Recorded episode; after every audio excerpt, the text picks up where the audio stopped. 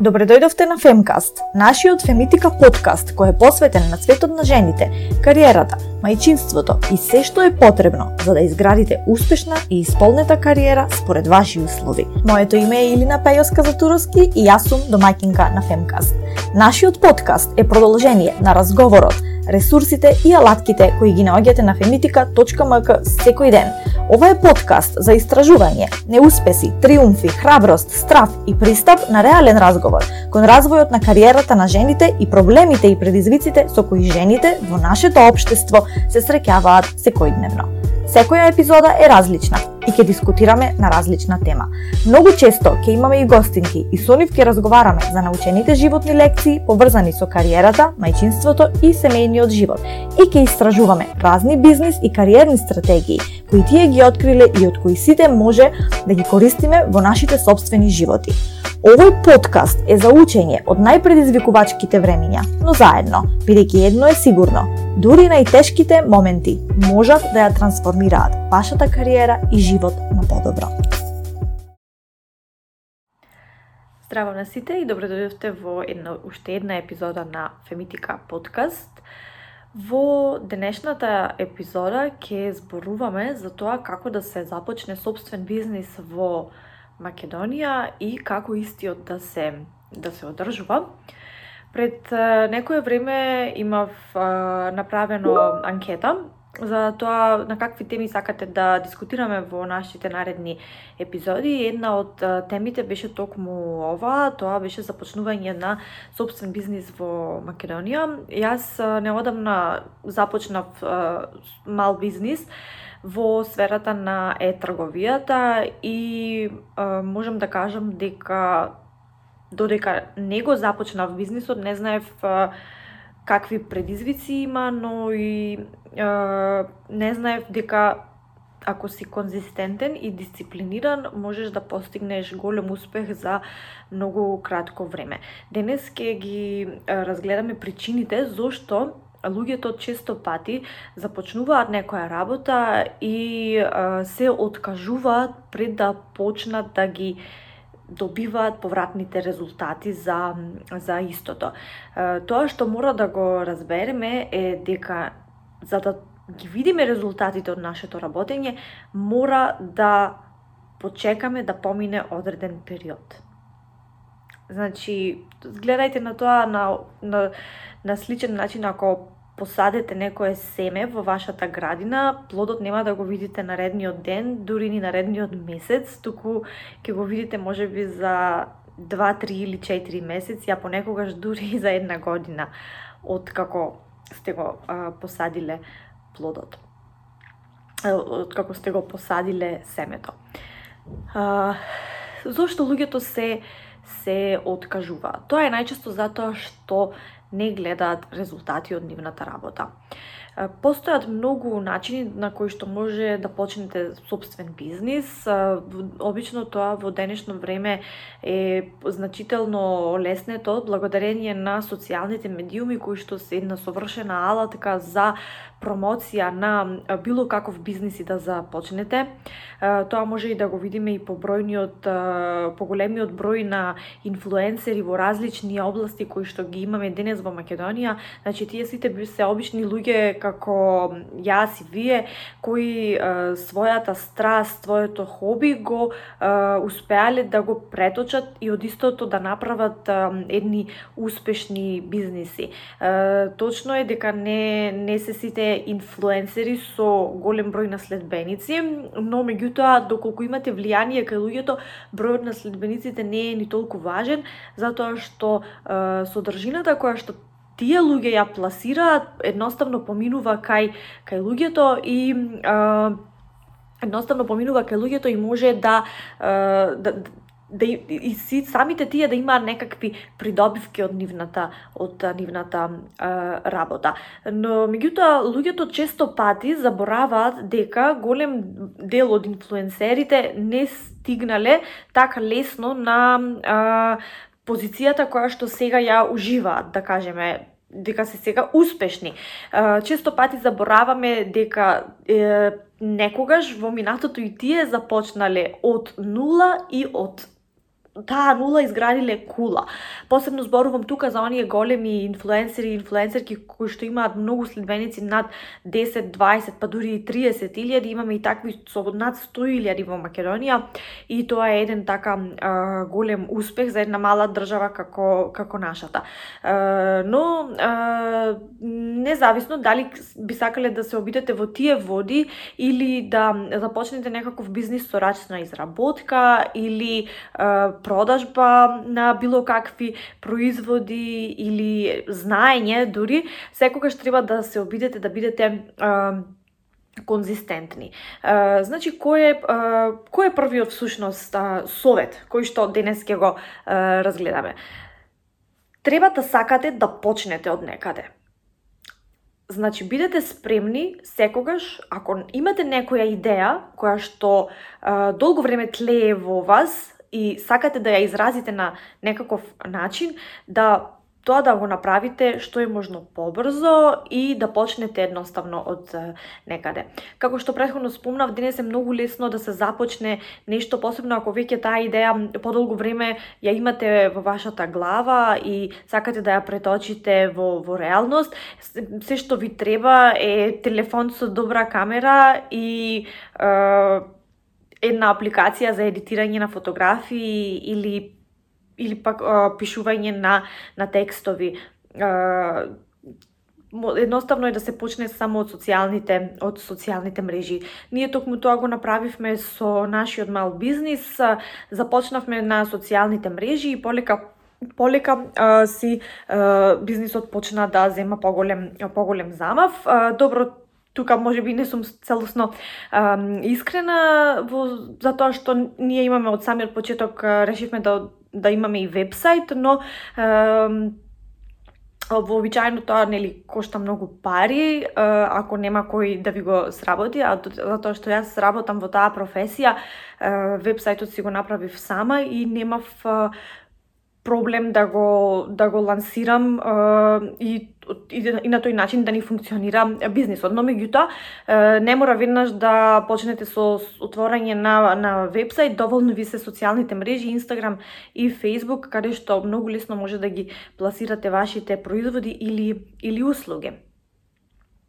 Потоа, кој би бил вториот совет?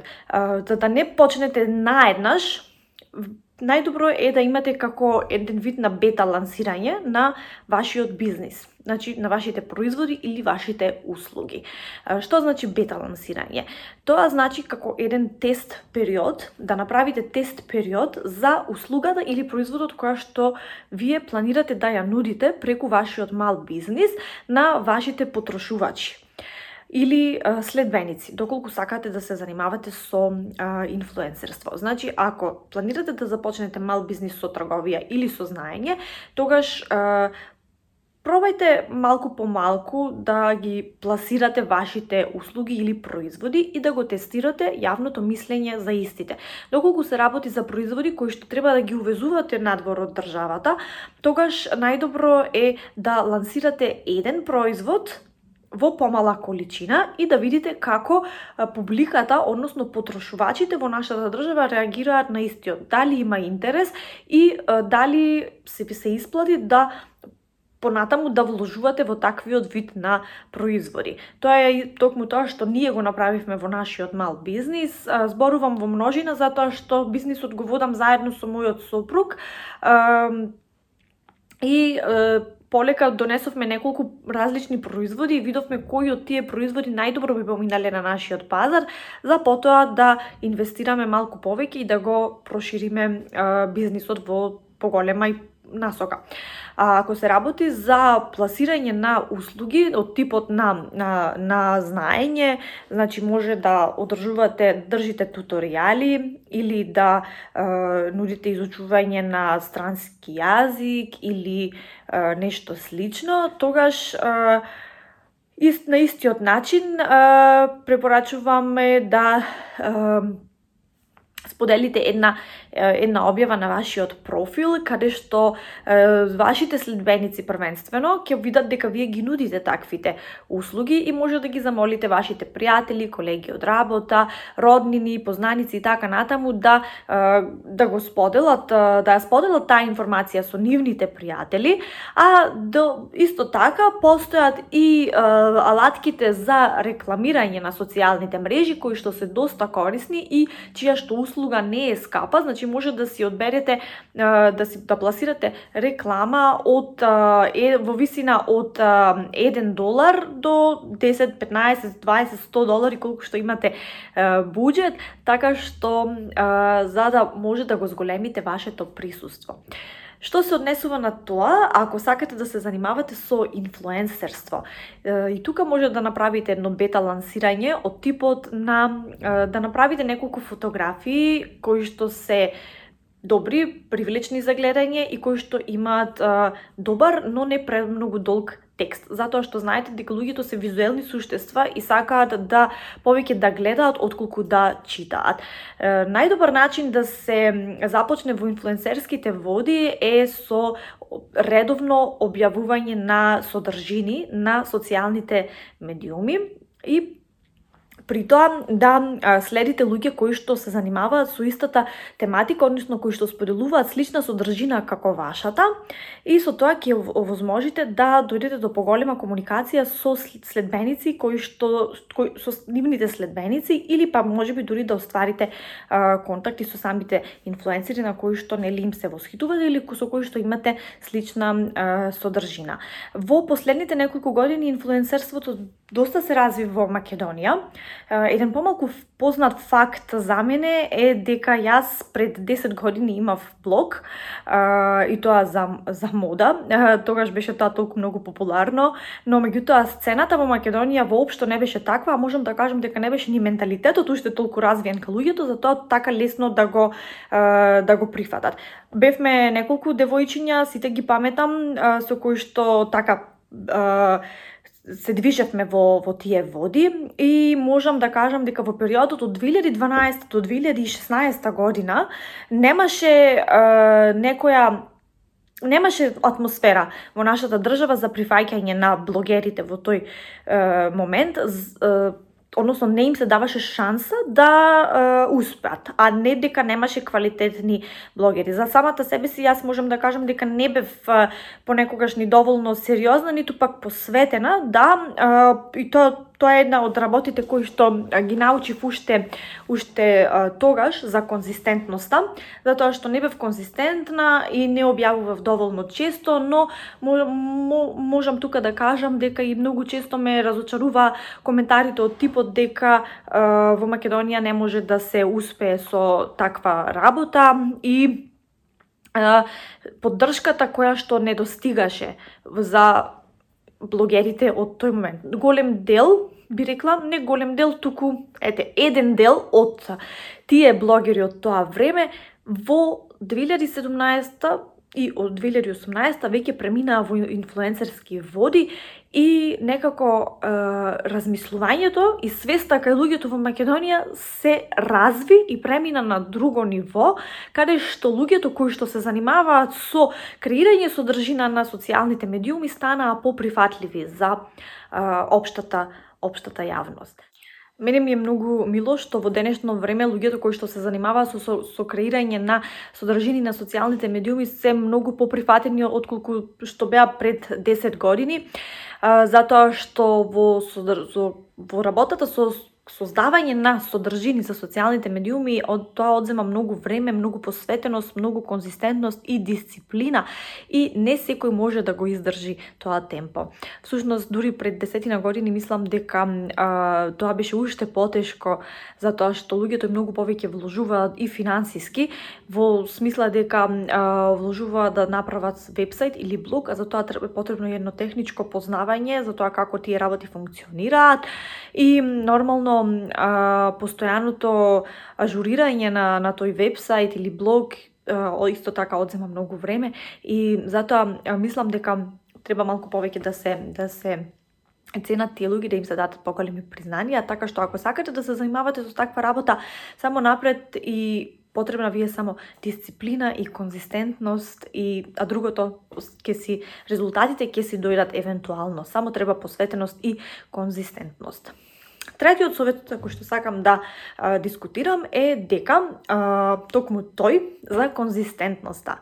Значи, секогаш гледајте на позитивната страна, односно фокусирајте се на позитивните работи од вашата од вашиот бизнис или вашата работа. Вашето хоби гледајте го како дополнителна работа. Нешто кое што ви овозможува да заработувате, но и да се чувствувате исполнети затоа што имате нешто што од што ви носи дополнителен дополнителен приход.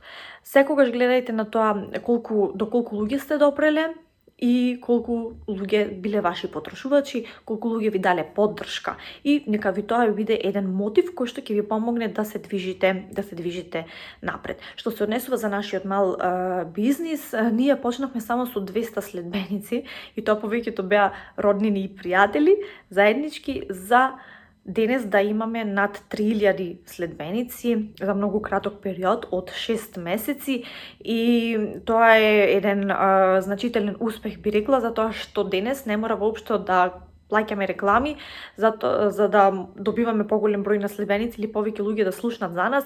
Едноставно луѓето сега слушаат за нас затоа што нашите производи се пораспространети и веќе сме добиле некаков вид на, на, репу, на репутација помеѓу луѓето. Истото важи и за и за а, а, инфлуенсерите, ако сакате да се занимавате со таа работа. Значи, треба да останете конзистентни, дисциплинирани и постојано да а, да се трудите да имате нови содржини поврзани со темата која што вас ве интересира. Доколку ви е тешко да останете дисциплинирани, тогаш а, најдобриот совет кој што можам да ви го дадам е да одберете еден ден во неделата кога ќе создавате нов нова содржина за е, вашите социјални медиуми и тој ден да го посветите за тоа. Односно не ви е ни потребен цел ден, туку само еден или два часа и да да одберете ден во кој што ќе објавувате нови содржини. Може би ова не е најдобро сега што го кажувам затоа што а, фемитика немам толку е, слободно време да ја ажурирам редовно, но јас тоа јавно го имам кажано дека ќе ја ажурирам тогаш кога ќе најдам слободно време. Четвртиот совет за кој што сакам да дискутираме е да се зближите со луѓе кои што имаат слични бизниси како вашиот или ги интересираат слични работи како што ви интересираат ам, вас. Тоа најчесто може да го направите преку Facebook групи или Instagram групи, кои што се креираат токму за таа намена, каде што малите бизниси или инфлуенсери си пружаат поддршка едни на други, за да повеќе луѓе до, дознаат за нив и нивните, нивниот бизнес или нивниот профил. Тоа е многу лесно да се направи, како што кажав, ако почнете да ги следите луѓето кои што се занимаваат со истата работа како, како вас и на тој начин ќе може и да ги привлечете нивните следбеници. Преку овие групи може да се најчесто се организираат денови во кои што во, има денови во кои што се организираат како еден вид на ланци на следење и ланци на оставање коментари за поддршка на секоја ваша нова објава и за лајкување на секоја ваша а, нова објава, што значително го зголе, ја зголемува вашата присутност во а, просторот на социјалните мрежи. Што повеќе лајкови и коментари добива една ваша објава, толку повеќе е забележлива за потенцијални нови следбеници. А, така што расширете го вашиот круг и зближете се со луѓе кои што можат да ви помогнат да го покренете вашиот бизнис на следното а, ниво. И последниот а, совет, број 5, кој што сакам да го дискутирам е тоа дека секогаш треба да ја гледате големата слика. Тоа значи дека доколку ако и денес ви се чини тешко, тогаш не значи дека истото ќе биде и во иднина.